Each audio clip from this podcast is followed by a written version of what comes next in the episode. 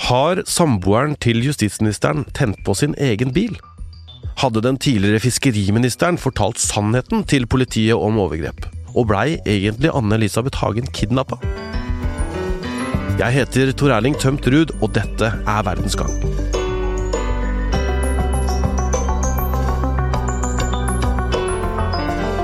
Krim er et av de områdene som vi dekker eh, mye av i eh, VG. Og i 2019 så har det vært spesielt tre saker som har eh, prega året til krimgruppa i denne avisa. Og krimekspert Øystein Milli, hvordan starta 2019? Ja, det starta jo eh, på veldig dramatisk vis. Vi sto jo med en uh, sak som vi ikke hadde sett maken til noen gang i Lørenskog. Den var jo ikke offentlig kjent, men, men vi i VG hadde visst om den da en periode. Og vi gikk inn i jula og inn i nyttår hvor vi uh, ja, vi visste at politiet etterforska en sak som i norsk sammenheng fremsto som helt uh, unik. Vi skal snakke mer om Lørenskog-saken, men, men det er jo også andre spektakulære saker i år. Ja, Det er eh, saker som har vært eh, langt framme i eh, offentligheten og som har fått mye oppmerksomhet av mange årsaker. Så det har vært et år hvor det har, har, vært en del krim i norske medier, ikke tvil om det. Og så er det helt opp til toppnivå i politikken dette strekker seg? Ja, de har hatt eh, en eh, stor rettssak i, eh, i, Tromsø før sommerferien mot Svein Ludvigsen, tidligere fylkesmann og Høyre statsråd, som jo var tiltalt for seksuelle overgrep mot flere menn. Og så har vi da denne saken med justisminister Tor Mikkel Wara.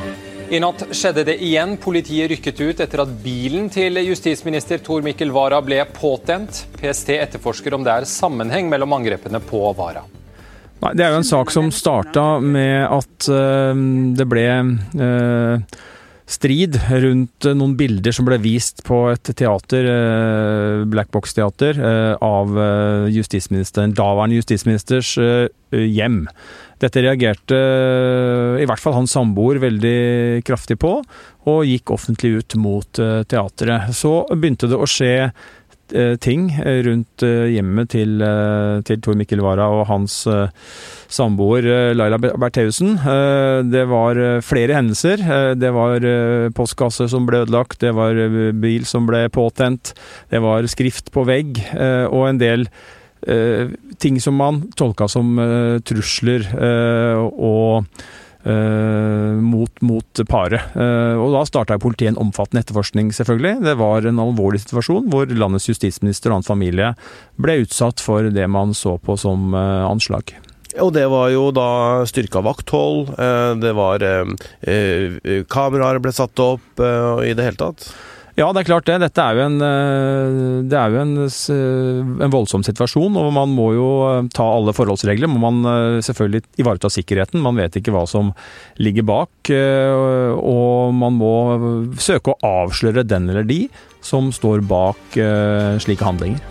PST har i dag siktet justisministerens samboer for overtredelse av straffelovens paragraf 200. I mars så tok jo denne saken en eh, gigantisk eh, vending. Tor Mikkel Waras samboer er pågrepet og sikta for bilbrann utenfor heimen til familien.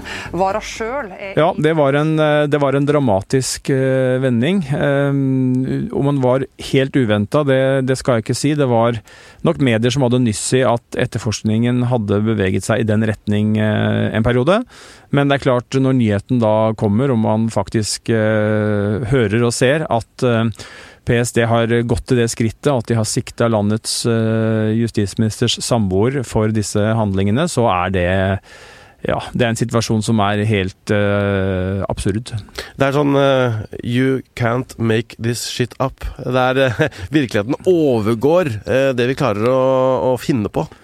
Ja, og det er det jo mange eksempler på. Eh, de største krimsakene som får mest medieoppmerksomhet, de har jo i hvert fall av og til eh, elementer i seg som, som gjør at man er vanskelig for å se for seg at det faktisk kan skje, skje i virkeligheten. og Uh, saken mot uh, Bertheussen er jo ikke av, avslutt. Da. Den uh, ligger jo nå inne i, i, 2020 når det gjelder påtalespørsmålet. Vi vet ikke om det blir en tiltale og en rettssak, eller om det blir en henleggelse, eller om det blir en rettssak og en frifinnelse.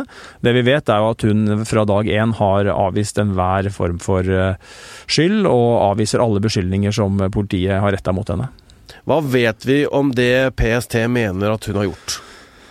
Ja, Vi vet faktisk ikke så veldig mye. Eh, dette er en eh, etterforskning som har vært eh, selvfølgelig ganske omgitt av ganske stort hemmelighold. Men det vi leser ut av det, er at PST føler seg sikre på, og det må de føle seg sikre på, at det ikke finnes noen annen mulig gjerningsperson.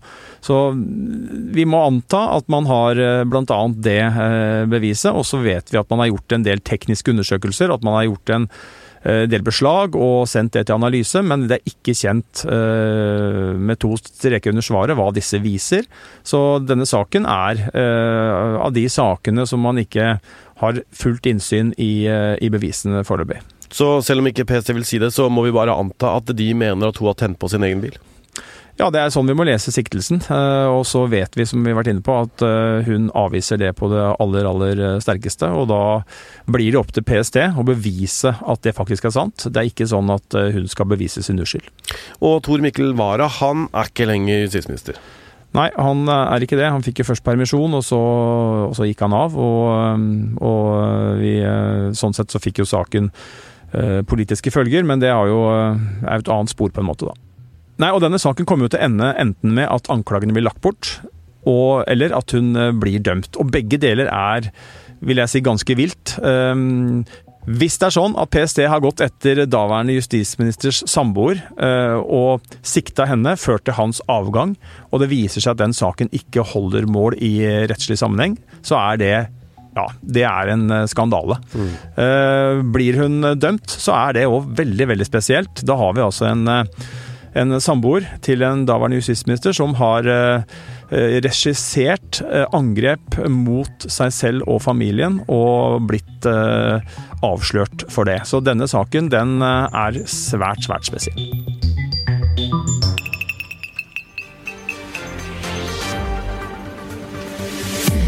Tidligere fiskeriminister Svein Ludvigsen tiltalt for seksuelle overgrep og maktmisbruk. Ifølge tiltalen skal et av overgrepene ha skjedd på fylkeshuset i Tromsø. Vi skal eh, videre til eh, Svein Ludvigsen. Eh, han var fiskeriminister. Han var fylkesmann i, i Troms. Og ble altså da tiltalt for overgrep mot, uh, mot uh, menn. Uh, han er også en kongevenn. Han har vært på mange reiser sammen med kongeparet. han ble, ble, ble i 2018 da pågrepet for, for dette, og sikta for å ha utnytta sin stilling for å skaffe seg seksuell omgang. og så var det jo da i år denne rettssaken mot Svein Ludvigsen var. Og hva var det som kom fram under disse rettsdagene i Nord-Troms tingrett? Det var en veldig spesiell situasjon. Eh, vi reiste jo til eh, Tromsø. Vi hadde ikke veldig mye innsyn i denne saken eh, og bevisene som påtalemyndigheten anførte. Vi visste at Svein Ludvigsen nekta straffskyld. Og det å komme inn i en rettssal, og det har vi vært mange ganger, og vi har selvfølgelig sett mange såkalte tunge kriminelle. Uh, og det er vi vant til, men det å sitte og se en uh, tidligere statsråd, um, som du sier, en kongevenn, en tidligere fylkesmann, sitte tiltalt og bli behandla selvfølgelig på samme måte som enhver annen tiltalt. Mm. I retten, da ser du at domstolen virker likt for alle. Det ja, vi har sett det før òg. Eh, Rune Øygard-saken, litt av det samme. Hvor det kommer en samfunnsstøtte, en eh, meget profilert uh, skikkelse inn og har med seg i ryggsekken en tiltale som kan medføre fengselsstraff. Og det gjorde det jo for Svein Ludvigsen sin del. Han, han, han ble dømt. Fem års fengsel, en knusende dom. Han ble stempla som kynisk, som hadde da lurt til seg seksuell omgang med med tre menn. Eh, han måtte innrømme at han hadde løyet. Svein Ludvigsen ble ikke trodd av retten og dømt til fem års fengsel. Den tidligere samfunnstoppen anker dommen. Han hadde jo avvist eh, i politiavhør at han hadde hatt noen seksuell kontakt med, med disse mennene, men måtte da erkjenne i retten at det hadde vært seksuell kontakt med noen av dem. Og um, han sa jo da at det var frivillig, retten trodde ikke på det. Og eh, det er jo et uh, slitt uttrykk å kalle en dom for knusende, men eh, sjelden har det vel vært mer treffende enn i, i denne sammenheng. Ja, jeg, jeg sa han er tiltalt for overgrep mot menn, men hvem var disse? Det var eh, bl.a. da eh, unge asylsøkere. Og det som er spesielt i denne saken, er at de forklarte jo at Ludvigsen sa at han kunne påvirke om de skulle få bli i Norge eller ikke. Mm. Eh, og det er noe av det retten har slått fast at var skjerpende her. At han brukte sitt Ikke bare at det var et overmaktsforhold fordi at han var en eldre mann og veletablert i Norge, men fordi at han også da brukte det som et Eh, våpen eh, mot dem. Så har altså en, en, en veldig høyt eh, akta samfunnstopp med å gjøre. Du kommer til en, en rettssal. De er ganske like stort sett hvor du er i, i Norge, og du blir satt på tiltalebenken og, og, på en måte satt i denne stolen, og, og blir altså helt avkledd. Ja, du må svare på ting som du helst ikke vil snakke om, og denne saken handla jo om da seksuelle forhold, og det er klart det er jo enda mer eh, sårbart kanskje enn en del andre ting. Eh, og det var jo en del av saken, var jo nettopp det, at Ludvigsen eh, sa jo at han hadde jo kjent på skamfølelse, han hadde hatt en tiltrekning til menn, dette var et vanskelig tema i hans omgangskrets som yngre, og måtte jo på en måte åpne opp om det, eh, bakgrunnen sin på den måten. Men, men, samtidig så var det jo da en, eh, en tiltalebeslutning som ikke var særlig, særlig fin. Det var en mann som hadde utnytta sin egen stilling som påtalemyndigheten så det, for å få seksuell omgang. og ja, det var, en, eh, det var jo tre ofre som kom i vitneboksen, og som eh, bar eh, preg av det de hevda de hadde blitt utsatt for. Mm. Og, og, det var, det var en opprivende rettssak som da endte med en, en dom mot Ludvigsen som ja, var streng. Fem år i fengsel, det, det er mye. Og mm. det sier jo alt om hvordan retten så på denne saken. Sitter han inne nå, eller? Det er ikke en rettskraftig dom, så han har ikke begynt å sone, nei. Eh, og det er jo en, sånn at han anka jo denne saken, eh, og fikk eh, ikke medhold på så veldig mange punkter, men han får prøvd deler av saken nå i februar. Mm. Og når det da har blitt gjort, så blir jo da dommen, hvis han ikke forsøker seg på en runde til i Høyesterett Han har vært der en runde allerede, for Ludvigsen ønska jo full anke. Mm. Det avviste Høyesterett. Det er sånn at i Nord-Troms så har man et prøveprosjekt som gjør at man tar opp lyd og bilde av hele hovedforhandlingen. Og det gjør at man da kan forenkle eh, spørsmålet om eh, eh bl.a. anke senere. Men han får en liten del av saken prøvd på nytt, og da vil dommen bli rettskraftig. Og så må han jo da inn til soning, selvfølgelig, som vi er inne på. Han som alle andre. Det er samme reglene som gjelder om du er kong Salomo eller Jørgen Hattemaker. og det er jo sånn det skal være og bør være, men det er likevel eh, eh, spesielt å være vitne til det når du ser en, en så tidligere Han er kalt kongen av Nord-Norge. Mm, mm. han, han, er har vært en betydelig skikkelse i uh, samfunnslivet, særlig da i Nord-Norge, men også på riksplan, da, i og med at man har vært, vært statsråd. Så, så, mm, ja, det, det er tøffe tak.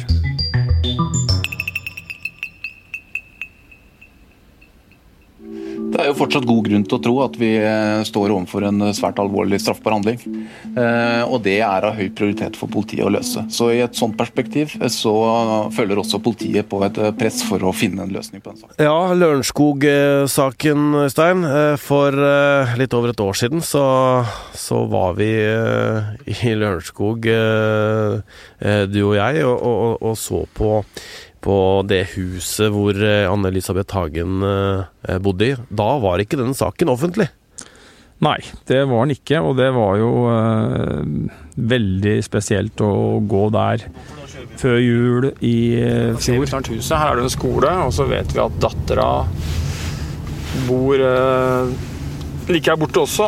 Eh, sånn at vi ja, vi er et område nå hvor er, Men altså, her er jo rådhuset, og her er det en stor skole, så det er jo ikke noe unaturlig å kjøre biler her. Derfor så kjører vi her.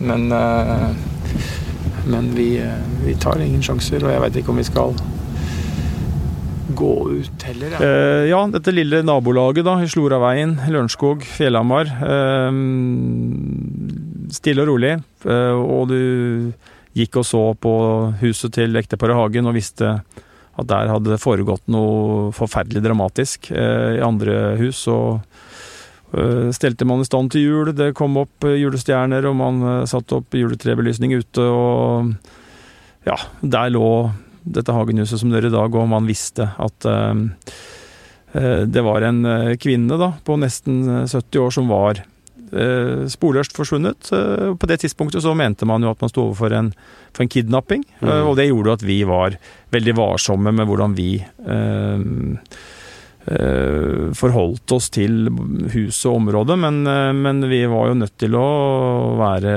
i nærheten og følge med og overvåke dette, for det er jo en nyhetssak som eh, absolutt eh, vi er nødt til å jobbe med. Vi passa jo på å ikke bli eh, sett. Hadde, jo, hadde jo med meg en opptaker, ikke sant, og vi kjørte rundt i bil. Og når vi på en måte nærma oss, så, så gjemte vi den opptakeren. Og, og vi leide jo biler, og vi Ja. Ja da, vi tok forholdsregler, fordi at vi fikk jo et inntrykk av at noe av det disse man da trodde var kidnappere, hadde krevd, var jo at eh, hennes, eller altså sagt, var at livet til Anne-Elisabeth Hagen sto i fare hvis eh, familien gikk til enten politiet eller, eh, eller mediene. Og, og vi tok det veldig på alvor. Mm. og mm, samtidig så kunne vi ikke Vi, vi, må, vi må ut og dokumentere, ut og følge med på det som skjer. Og vi visste jo at dette var en sak som kunne utvikle seg veldig fort. Så det gjorde jo at vi måtte få en oversikt over, eh, over hva det handla om. Og da måtte vi ut til Lørenskog. eh, Men vi var, som du sier, eh, veldig veldig varsomme og hadde veldig mange diskusjoner i redaksjonen på hvordan vi skulle gå frem. Og det var jo bare noen veldig veldig få her i VG-huset som visste om denne saken. Mm. Og vi opererte jo i egne rom, og vi hadde Ja, vi isolerte oss, og det har vi jo for så vidt gjort og gjør i VG til tider, med saker, temaer som vi vet at man må holde innenfor en liten krets. Så det var jo ikke noe nytt for oss, men, men det er klart en helt eh, spesiell sak å jobbe med. Ja, det var, gikk jo mot jul, og i romjula så hadde vi jo på en måte ekstravakter og sånt i, i tilfelle denne saken skulle sprekke. Ja, øh, man visste jo ikke hva som ville skje, naturlig nok, i den neste timen. Eh, Vi visste at det var fremsatt et eh, krav om løsepenger, og vi visste at man jobba febrilsk for, eh, etter flere spor. Det ene sporet var å av, prøve å finne ut av hvor Anne-Elisabeth Hagen hadde tatt veien, og hvem som hadde henne. En annen spor var jo å få dialog med det som man på det tidspunktet antok var kidnappere, for å se om man eh, kunne løse det på den måten, og at hun kunne komme tilbake igjen i livet til familien sin før jul. Det var selvfølgelig et stort mål for politiet. Og eh, sånne saker er jo eh, naturlig nok eh, enklest å løse eh, med et eh, forholdsvis godt utfall, jo kortere tid det har gått. Eh, og når vi skrur tida tilbake et år, så, så var hun jo, hadde hun vært borte i halvannen måned, men da levde fortsatt håpet mye sterkere enn det gjør i dag. Eh, Med tanke på om hun kan komme hjem til familien sin eh, i god behold. Vi går da altså inn i ny jul uten at eh, Anne-Elisabeth Hagen har kommet tilbake. Og, og politiet mener jo nå at hun ikke lenger er i livet, og at, at de mener at det står overfor et drap. Altså det går fra en kidnappingssak til et drap. Hvorfor gjør det det? Jeg tror det er en, mange faktorer som spiller inn. For det første så tror jeg at eh, det at man opplever kidnapperne, de påståtte kidnapperne, som eh, ganske vanskelig å få kontakt med. eh, Lite vilje til dialog, eh, og kanskje enda rarere, lite vilje til å gjøre seg tilgjengelig for å få disse pengene. Mm. Det gjør at man lurer. Så kunne man jo tenke seg at det skyldtes at noe hadde gått galt i det som var en kidnapping, og at Anne-Elisabeth Hagen ikke var i live, og at sånn sett man ikke hadde den det, det bytte, den muligheten for den byttehandelen som de så for seg. Men så har jo politiet sett videre på hva man står overfor, og man antar da at dette åstedet er Eh, rigga. Dette brevet er uh, fake, for å bruke mm. et godt norsk uttrykk. Og at det er noen som forsøker å skjule et, et, drap, og at man da har iscenesatt det som skal være en kidnapping, for å få fokus bort fra det som egentlig har skjedd, nemlig at det skal være et drap. Og så vet jo ikke alt om hva som gjør at politiet mener det, men jeg tror de tinga vi har vært innom er sentrale faktorer i, i den vurderinga. Eh, hva tror du kommer til å skje med denne saken nå? Ja, det er et godt spørsmål. Eh, hele Norge går og venter på en løsning. Eh, og vi har jo forstått at politiet er optimistiske. Det har jo Brøske, Tommy Brøske, etterforskningslederen, sagt mange ganger. Man har jo også hatt et mål hele veien om å klare å komme til en løsning i år. Det skjer nok ikke. og da er jo spørsmålet om hvordan det kan se ut for 2020. Det vi vet er at etterforskningen pågår for fullt. Politiet uh, har jo en del spor. Vi har fått ta del i noen av dem. Og vi, vi skjønner jo at man har eh, sikra seg um, noe som kan bidra til en løsning. Vi har denne språkskoen som uh, de er helt sikre på hvert på foten til en gjerningsperson. Avsatt avtrykk på en sånn måte inne i boligen i Sloraveien. Eh, de har klart å spore opp eh, at Claes Olsson har eh, solgt dette brevarket og mm. denne konvolutten. Man vet at det ligger en strips fra Biltema. Vi så i forrige uke at man har noen bevegelser fra en bil som man er svært interessert i. Vi vet at de jobber med å, uavhengig av den eh, bilen som man så på et kamera, for det var et veldig dårlig bilde, så vidt vi forstår, mm. så driver man i tillegg til det med bilprosjektet etter et annet spor, nemlig at man kartlegger alle de bilene og går etter alle de bilene som er fanga opp på et eh, eller flere overvåkingskameraer i nærheten av Lørenskog. Mm. Og der står det igjen et titalls biler. Eh, og det er klart, for hver bil man der klarer å luke ut og finne en naturlig forklaring på, jo større blir jo sjansen for at man da til slutt sitter igjen med den bilen som kanskje har hatt Anne-Elisabeth Hagen med seg. Og gjør man det, så kan man jo komme veldig fort i nærheten av å avsløre den eller de som, eh, som kjørte en bil. Vi venter spent vi på, på en løsning i Lørenskog-saken i, i 2020. Takk for at du var med, Øystein. Vi har en del episoder eh, i Krimpodden her i VG. Den handler mest om Eirik Jensen-saken, men også litt om Lørenskog. Er du også interessert i annen krim, så kan jo jeg anbefale Uløst-seriene som vi har laga her i, eh, i, VG om Birgitte Tengs-saken og Therese-saken. Verdens Gang lages av Kristine Hellesland, Emilie Hall Torp, Roy Furuhaug og meg, Tor Erling Tømt Ruud. Magne Antonsen er teknisk produsent.